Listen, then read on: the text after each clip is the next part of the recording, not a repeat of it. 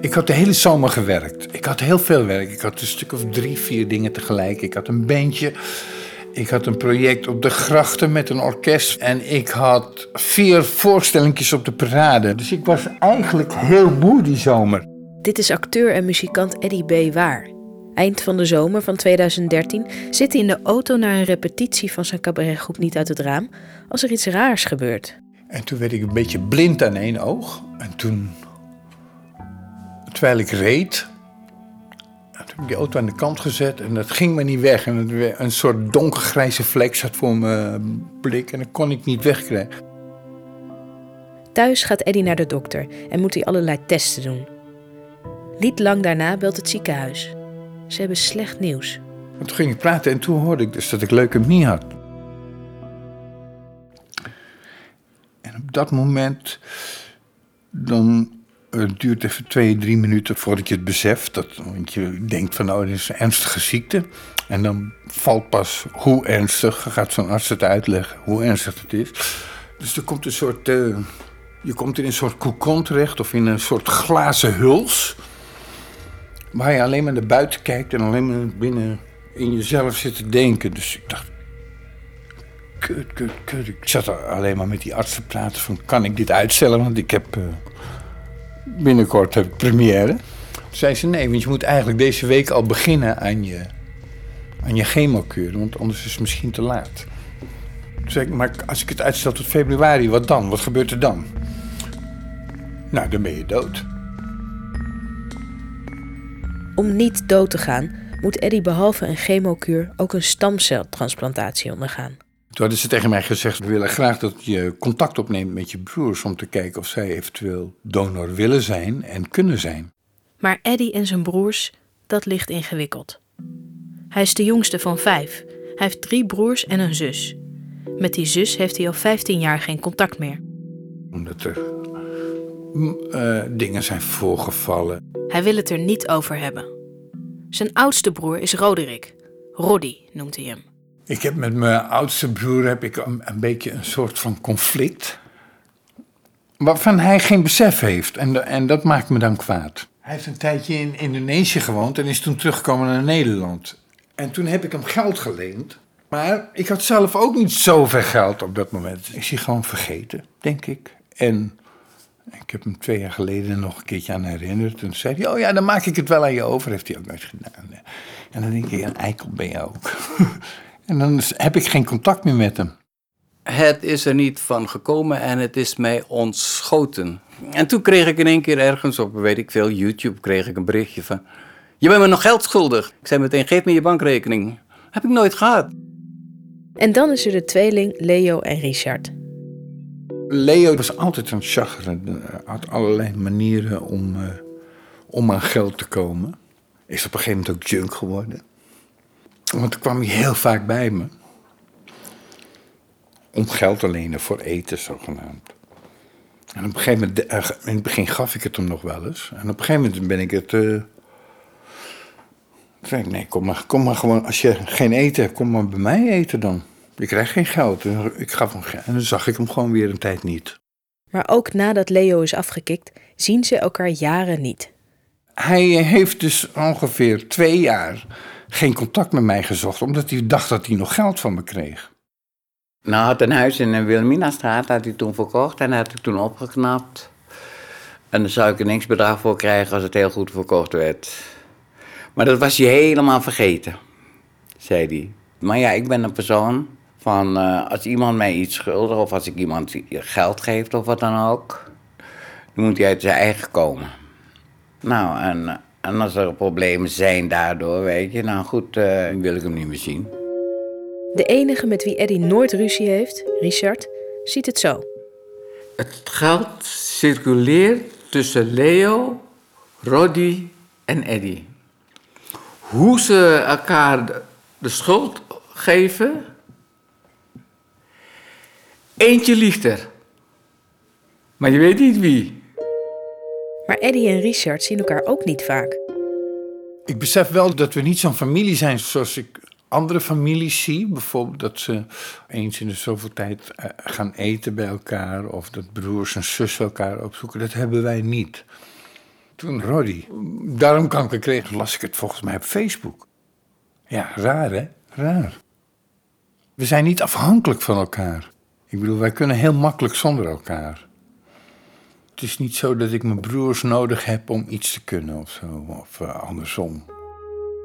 Maar dat verandert als Eddie ziek wordt. De kans dat een donor uit een donorbank matcht is 1 op 50.000. Maar bij familieleden is die kans 1 op 4. Dus moet Eddie zijn broers wel bellen. Eerst Leo. Toen zei ik, ja natuurlijk, ik sta voor je klaar. Dus uh, wanneer het moet gebeuren, laat het me weten. Dan Roddy. Natuurlijk sta ik voor je klaar, want uh, ik zie je niet veel. Hè? Daarvoor ben je nog steeds mijn broer. En dan spreekt bloed. En dan Richard. Toen dacht ik, ja, nou, ik ga er gewoon voor. Ik moet hem helpen. Want uh, het is een broer. Toen zeiden we, nou, we moeten maar kijken wie van ons uh, goed uitkomt met de uitslag van het uh, ziekenhuis. Maar zelf had ik gedacht, ik hoop dat het mijn tweelingbroer is. Niet dat ik mijn broer niet wil helpen. Want ik weet hoe het in het ziekenhuis gaat. Als ik onderzocht word, dan gaan ze meer dingen vinden. En daar was ik bang voor. Op een gegeven moment belde Richard me op. En die zei: Hey Ed. Uh, ik zei: Ries. Ja, nou, gefeliciteerd hè. Ik zeg: Wat gefeliciteerd? Nou, we hebben een match. Je kan mijn bloed nemen. Ik zei tegen Eddie: Hey Ed. Ik zorg wel dat jij op de planken komt. Dat je gewoon op de, op de podium staat en dat je weer zoals oud weer staat te swingen. Of de transplantatie aanslaat, moet later blijken. Eddie ondergaat ondertussen een zware chemokuur in het ziekenhuis. De broers gaan er vaak naartoe. Ik ging er dagelijks heen. Want uh, hij ging echt zien de ogen, ging die echt bergafwaarts. Nou, ik dacht eerlijk, hij gaat dood. Het is net of je uh, een lijk uh, in dit bed zag. Zo'n zo kleur had hij. En uh, ik was er zelf van uh, geschrokken ook. Ik denk, nee, dat ik moet er toch doorheen komen. Toen ik na vier maanden weer uit het ziekenhuis kwam... toen kwamen ze ook heel veel langs. Richard kwam heel veel langs. Maar Leo kwam bijna dagelijks langs om mij te helpen. Boterhammetjes maken over dingen. Of uh, afwassen en dergelijke dingen. Hij is ernstig ziek, dus... En dan probeer je hem er bovenop te helpen natuurlijk toen ik uit het ziekenhuis was, kwamen ze hier wel eens met z'n tweetjes. Dat vond ik heel lekker. Vond ik heel. Dat voelde alsof ik weer een klein. alsof ik weer klein was met hun. Want heel veel als jongste, en zij vlak boven. Ik speelde ik vaak met hun natuurlijk als kind. Eddie krabbelt langzaam op. Artsen durven pas na een paar jaar te zeggen dat een stamceltransplantatie is aangeslagen. Maar vooralsnog gaat het goed met hem. Alleen met Richard gebeurt waar hij al bang voor was. Sinds de stamceldonatie maakt zijn lichaam te weinig witte bloedlichaampjes aan. Hij is erg zwak. Ik had gedacht gewoon, uh, je helpt je broer. Het zou toch niet gebeuren dat het dat bij mij overkomt dat ik zelf de dupe word van iets wat ik niet om gevraagd heb. En je komt voor je broer, dat hij beter wordt. Maar ik ben blij dat hij beter is. Maar ik schrok er wel van. Toen dacht ik, godverdomme, hij heeft... Uh, om mij, mij te helpen, zal het toch niet misgaan bij hem?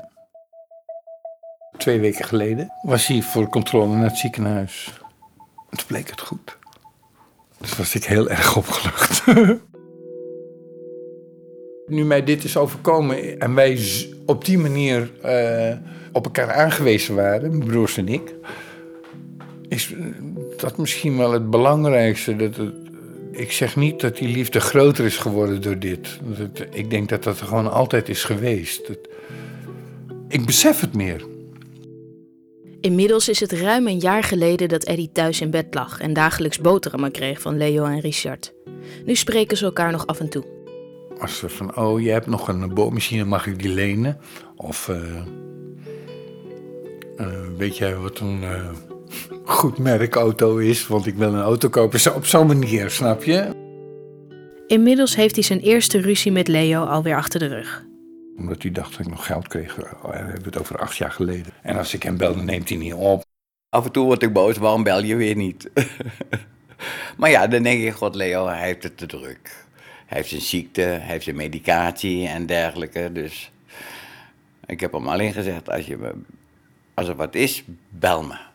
Roddy, ja, die... eh, ja, ik weet niet hoe die is eigenlijk. Ik heb hem misschien in het laatste jaar, anderhalf jaar, heb ik hem misschien drie uurtjes gesproken. Telefoontjes ook niet hoor.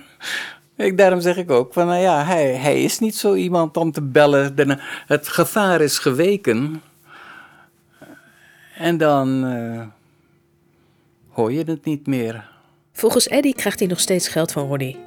Dan denk ik, weet je, oké, nou, laat die 300 euro maar zitten, maar dan ga ik niet bij je op bezoek of zo. Richard, ja, die spreek ik wel één keer per week nog. Die bel ik dan nog. En zeker toen ik eh, wilde weten hoe het met zijn bloed ging. Maar nu het ook met Richard goed gaat, kunnen er zomaar een paar weken voorbij gaan zonder dat Eddie hem spreekt. De vier broers hebben elkaar niet meer zo hard nodig. Net als voor Eddie's ziekte. En met Leo, dat is, ja, ik ben nou niet zo heel behoevend, dus hij heeft niet het gevoel van, oh, ik moet bij hem langs gaan om hem te helpen of zo. Maar dat is toch logisch, een beetje? Ik bedoel, als, er als je op straat loopt en iemand valt om, dan ren je er naartoe om, om omhoog te helpen. Maar als je niet omvalt, loop je er langs.